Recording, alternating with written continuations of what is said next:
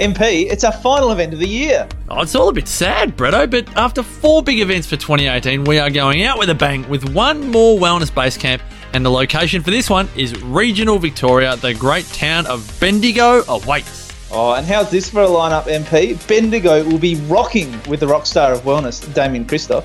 The art of self love angel herself, Kim Morrison, hits the stage. As will the natural nutritionist, Steph Lowe. And I'll tell you what, Steph's presentation at the summit on fasting was a showstopper. You'll be there, Bretto. I'll be there too. And Wendy Stewart from Wendy's Way will be there to share her inspirational story, which really did go off at the Wellness Summit earlier this year. It's Saturday, October 27 at the beautiful All Seasons Resort Hotel in Bendigo, and tickets are selling fast. Two for one tickets for this one day of inspiration, information, and empowerment are available at thewellnessbasecamp.com. That's right, folks. Get your two for one tickets at thewellnessbasecamp.com before they run out and then the price goes up. Finish your year of wellness in style at the Wellness Base Camp in Bendigo, Saturday, October 27. Tickets at thewellnessbasecamp.com.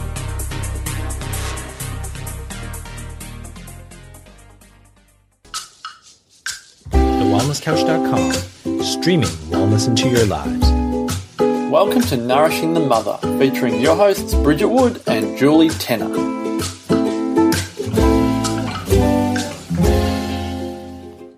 Hello and welcome to Nourishing the Mother. I'm Bridget Wood. And I'm Julie Tenner. And today's podcast is Whatever You Condemn, You Breed, Attract, or Become, which comes after we've had a few listeners' questions asking us to tease this point mm. out a bit. So we thought that that is exactly what we would dedicate this podcast to. Before we do that, I'd love to remind you to jump on to nourishingthemother.com.au and on the homepage with your email address, sign up to join our tribe. So once a week, we can send you an update email on everything we've put out in the world, and you can pick and choose where you'd love to dive deeper. So nourishingthemother.com.au and homepage, join our tribe. So this is a big, juicy one. And It's a really big topic, isn't it? You're slightly Yeah. apprehensive about diving into it in this platform. I am because I think it's um I think it's one of those things. So this comes about this is a concept that I learned about probably four or five years ago when I first began studying human behavior with Dr. John Demartini, who is just an expert around human behavior and universal laws. So essentially, beyond the human moral laws that we create, there are laws that govern the universe. The ones that you know people interested in spirituality would be most familiar with is the mm. law of attraction. Mm. But there are a number of other ones. You know, the law of conservation, which is essentially the the support and challenge that's always at play all of the time. And this is another one. And this one comes about because if you imagine that everything is one and we're all mirrors of each other therefore so if you're if we've got like a central how do i even explain that it's a really fumbling explanation no, it's not. Just keep going. but but we'll all move with you. Sure. So if we consider that there's this idea of universal oneness, and at one at some point, millions and trillions of years ago, there was a um, big explosion, and that one ex- exploded into many, and we are now all stars, all reflections of the one. So that means that everybody is a mirror of everybody else, and of the 4,000 plus human traits, every single person has every single human trait. So if you spot some narcissist and you're labeling that narcissist and you're getting all aggro mm. with that narcissist, the bigger the emotional charge you're carrying, the more you're disowning your own narcissist. Because mm. you can only perceive that in somebody else to the degree to which you've got it in yourself. And the more emotional you are about it, the more You're disowning you're it. disowning it or you're struggling to integrate it into mm. yourself.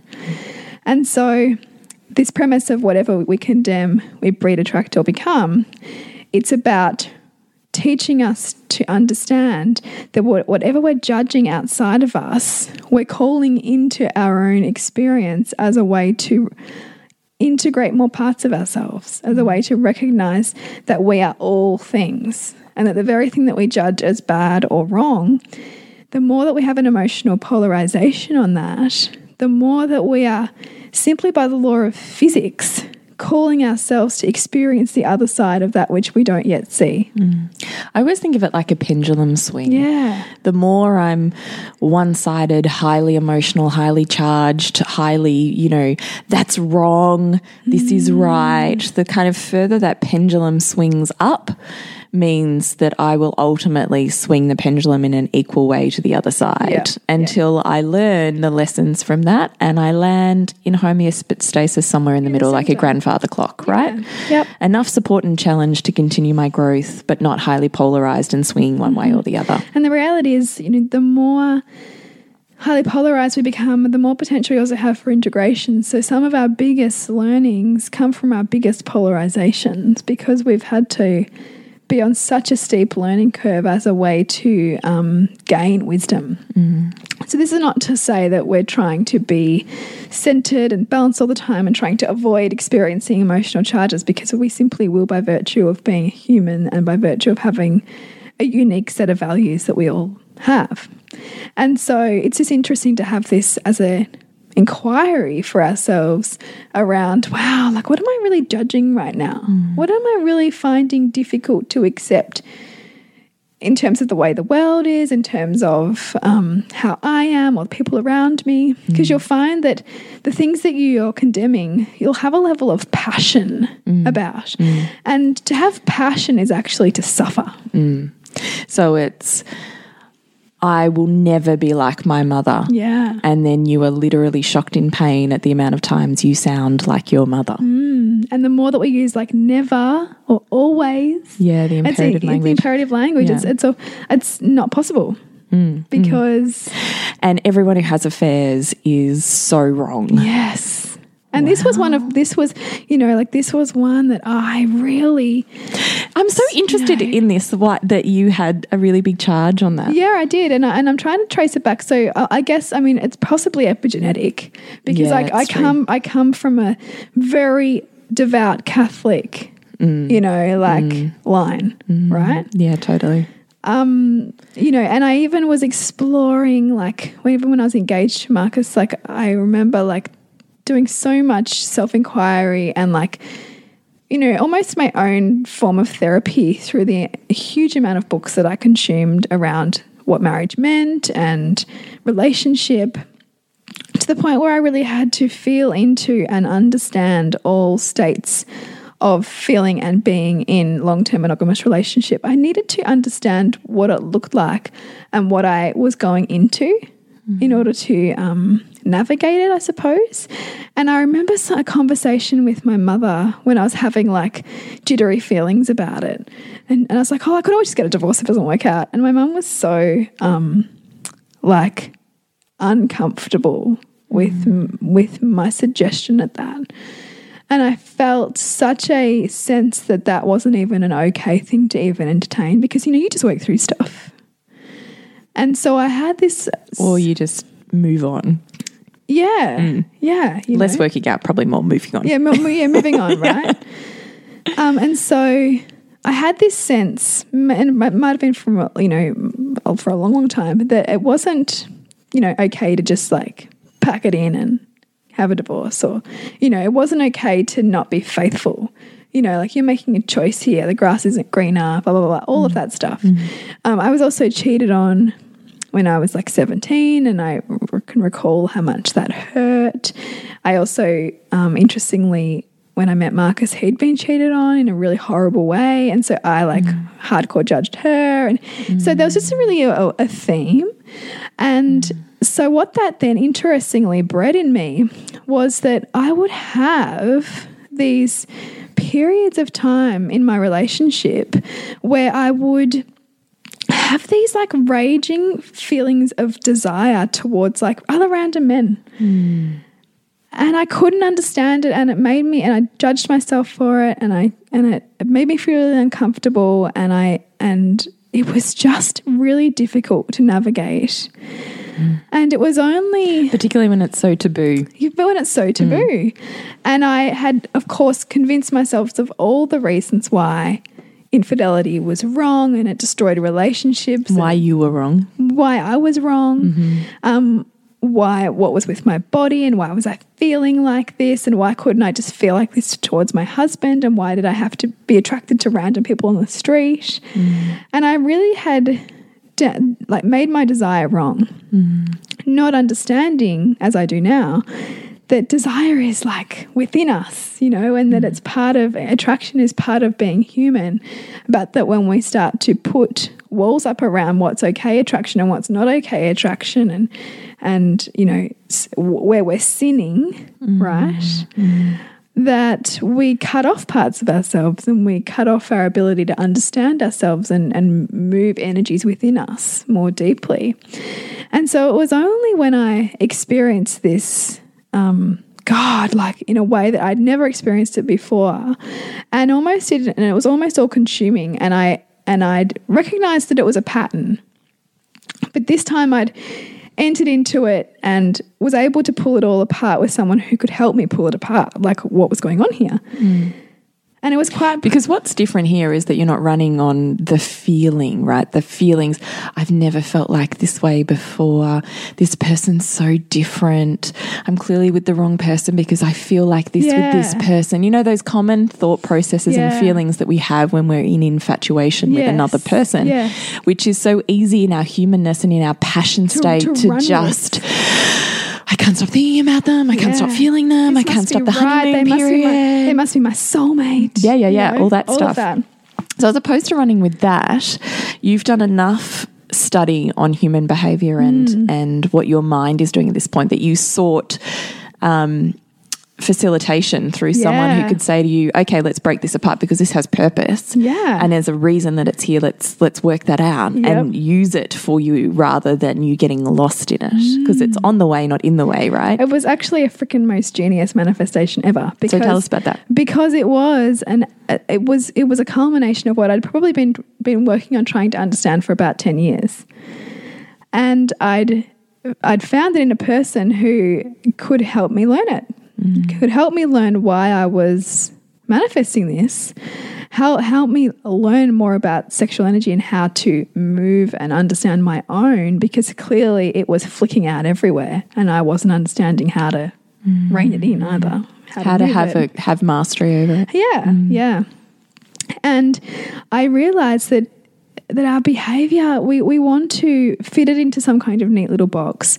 And we want to be able to explain away that X equals Y and this must be this. But sometimes the way in which we create feelings in our bodies can have an agenda that, that is not at all what we think Sexual. of sexual. Mm. So I noticed a pattern with mine when I'd broken it down and had it, had it facilitated was in times when I was feeling incredibly lethargic and maybe out of the conversation or really needing to wake myself up, I would Oh, I would turn on myself basically mm. with through attraction to someone in the room. To give you the to give myself the energy to be present and to show up in a space because I was struggling and because you weren't doing it and a- consciously. yeah, and a mm. surge of sexual energy was how I'd learned to mm. bring myself into a space. But sexual energy is life energy. Yeah, and it's and it's a feeling of aliveness. Mm. And if we haven't found a way to move that consciously, we'll we'll develop it unconsciously, and then we'll develop feelings around it and beliefs around it that might not even be accurate, but that we've formed because of what we're The judging as we've right attached or to the wrong. feeling. Yeah, you know. So I had a long story about it all being wrong. So of course, the more wrong I'm making it, the, The more, you're running into up. it.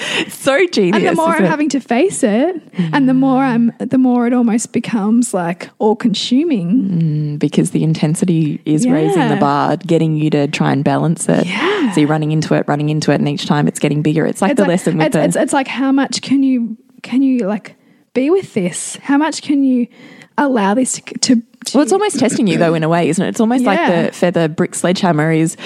All right, here's a little bit. What are you going to do with it? No, haven't learned it. Have a bit more. What are you Mm. Yeah. going to do? No, still not getting it. Have a bit more. Yeah. you know, it's kind of like and that. also how much you know how how rock solid are your values Mm. as well. You know, was another test of it. So and you can only judge others to the extent you're already judging yourself. Yeah. Yeah, and it was a it was a really interesting one to learn and integrate.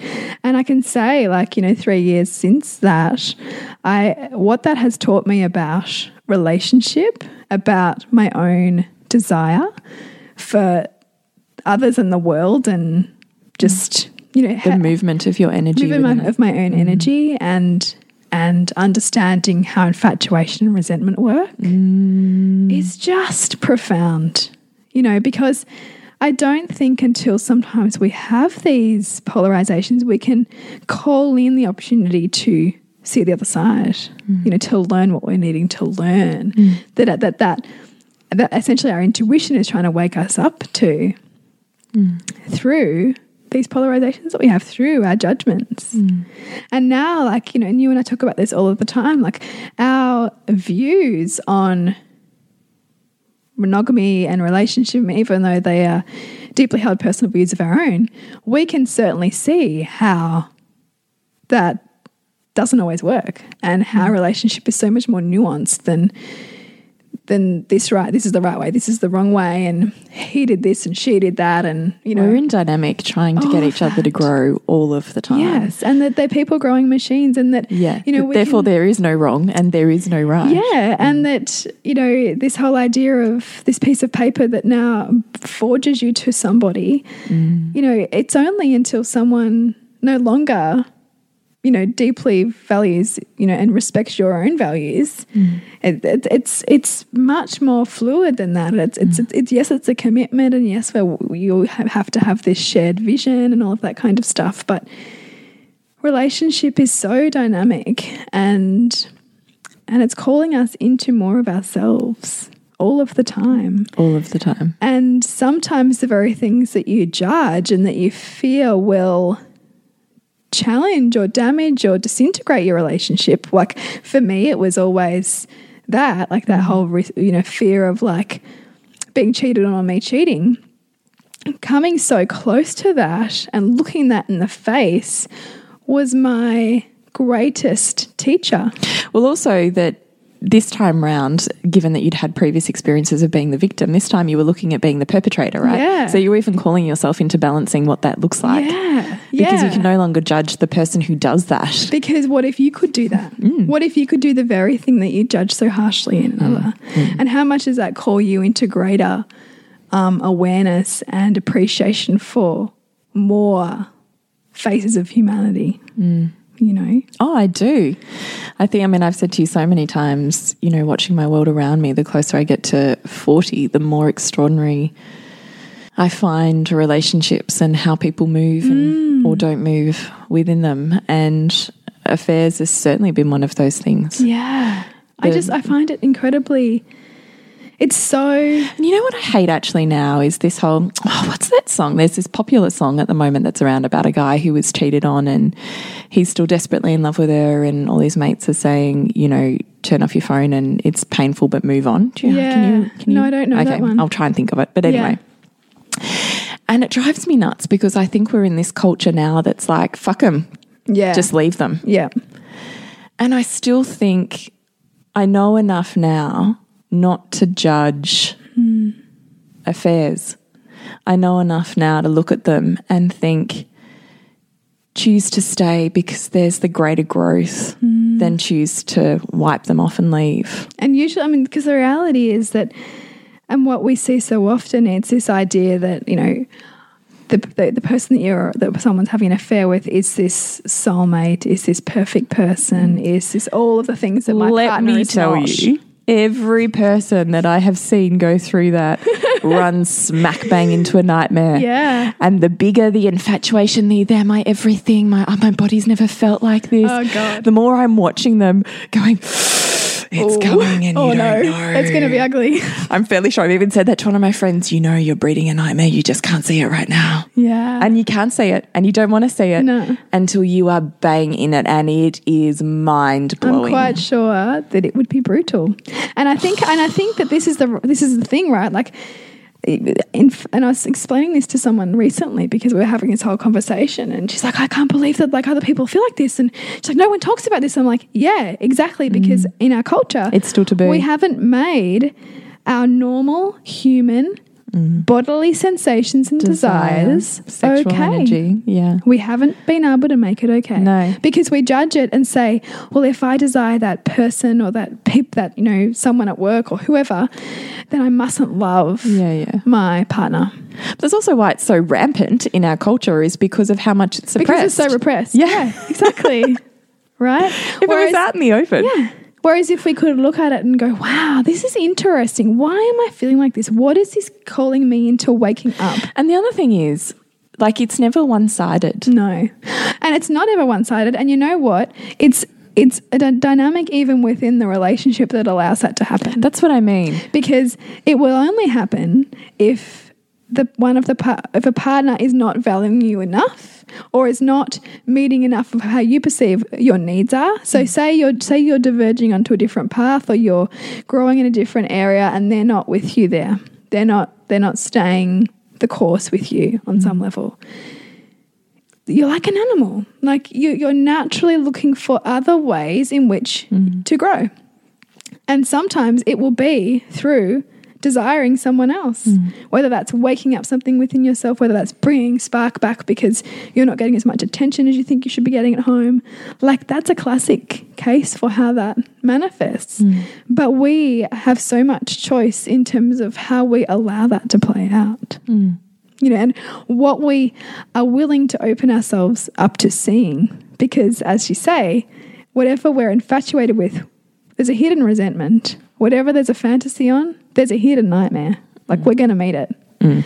And the reality is that we can, you know, you compare this new like person or thing, and it can even be like a friendship. It can even be a friendship Yes, this is interesting, isn't it? Because you can define, as we have talked about before, there are things more intimate than sex. Yeah, So you can have an affair and not be gay, but have an affair with your girlfriend yeah, exactly. because they give you everything Because and you love open them. up your heart. Yes, and, you talk about them and you text them every day, several times a day, and you catch up for drinks. And it's this socially acceptable affair. Yeah, Because whatever you're not being provided for within the relationship, you will look outside of it for. Mm. And there is a responsibility within a relationship to provide that. Yep. Otherwise, you will go looking you for it. You know, Yeah. whatever. Like I think it's it's a funny saying, but whatever you're not willing to provide your mate, you have to be willing to delegate. That's genius. Because that's the thing. You will go looking. Yes. So it's about prov- providing within a relationship enough of what that other person deeply needing. Being in relationship, it's not a passive process. No.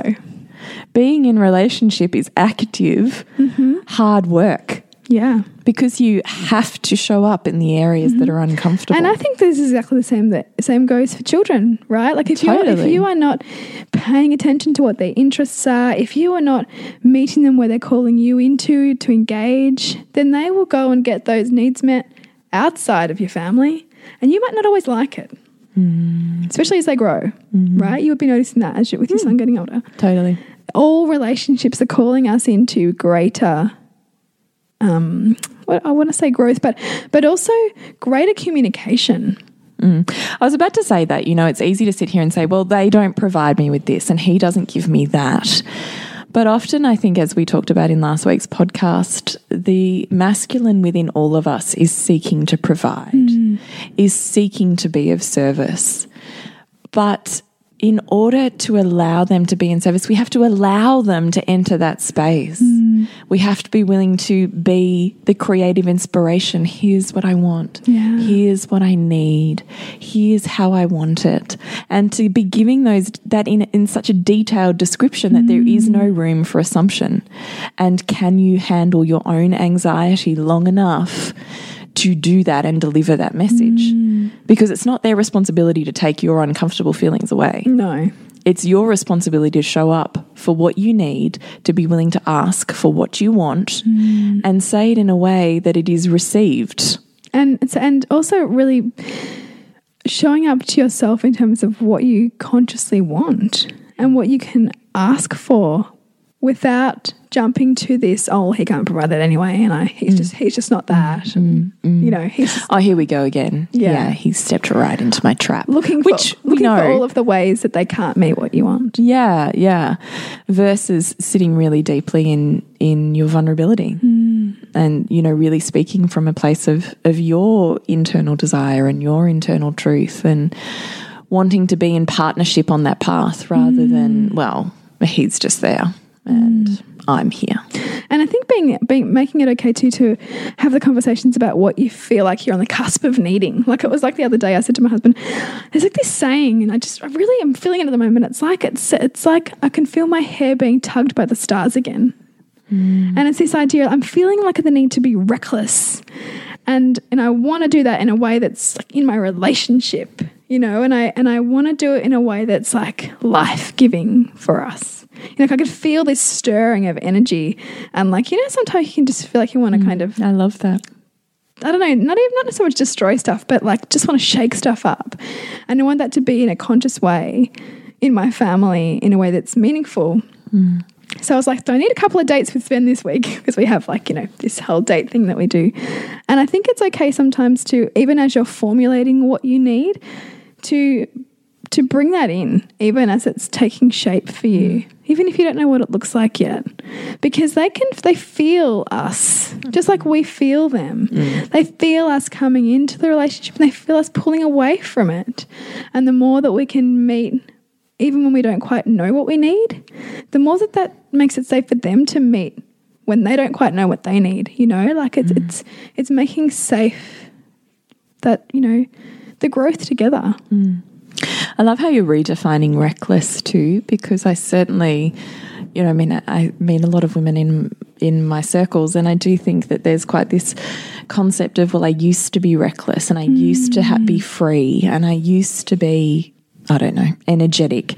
And it's about seeing where you are still that, it's just in a different form. Mm, mm. And I love that you're saying, I recognize I need to be reckless and connect with that vibrancy that I used to do in, I don't know, snowboarding or Yeah, whatever getting was. drunk at night or whatever it was for you, right?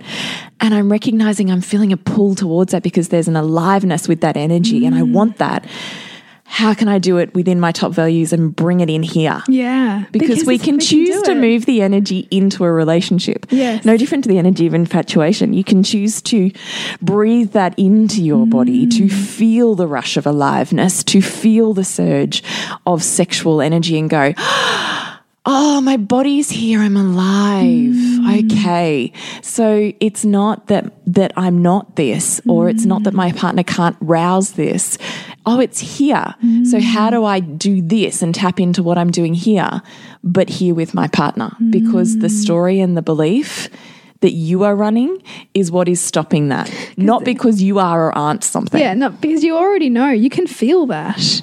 It's only whatever filters you've put on the scenario at play that tells you that you can't have that in this other form, Mm. you know, in the form where you're ultimately desiring it, which is with your partner Mm. or in your relationship or in your family. It's the same thing with, you know, mothers who get caught up in the, oh, you know, like back when I was professional in my identity and this and that, like, you know, this, this sense of self that they feel like they've lost. It's the, the form that's changing. We mm-hmm. can have all of those things. It's about how we awaken it and bring aliveness to it in the form that we're now finding ourselves in. Mm. So we would love to take you on this journey in our Loathing to Loving program, which we have our next live round coming up for. So please jump on and have a look at nourishingthemother.com.au forward slash online programs. And Loathing to Loving is five weeks where we walk you through four modules of online content that you have lifetime access to. And we give you five weeks of our undivided attention to mm. facilitate you through what is coming up in your next evolution, which is why we do it three times a year Yeah. because we want you to feel alive and sparky and to actually apply the gems that you're getting in the podcast to your life rather than having them conceptual and trying to work your own stuff out on your own is yeah. a really hard place and to you can be. get you can just get stuck in, stuck in circles, right? and stuck in your own story. Yeah. You can't necessarily break your own story apart on your own. Yeah. So please join us for Loathing to Loving and to connect with you, Bridge. Suburbansandcastles.com and you, Jules. is thepleasurenutritionist.com and I am still formulating my women's circle. So if you are interested, please shoot me a message. Yes, get onto that. It's going to be amazing. Mm, thanks. And connect with us, nourishingthemother.com. And no, hang on, dot Yes, com it dot is au. .com.au. Dot com dot au. Yes. Remember to nourish the mother to rock the family. And we'll see you next week when we continue to peel back the layers on your mothering journey. This has been a production of TheWellnessCouch.com. Check us out on Facebook and join in the conversation on Facebook.com forward slash The Wellness Couch. Subscribe to each show on iTunes and check us out on Twitter. The Wellness Couch, streaming wellness into your lives. Whilst the Wellness Couch presenter endeavor to provide accurate and helpful information to their listeners, these podcasts cannot take into account individual circumstances and are not intended to be a substitute for health and medical advice from a qualified health professional. You should always seek the advice of a qualified health professional before acting on any of the information provided by any of the Wellness Couch podcasts.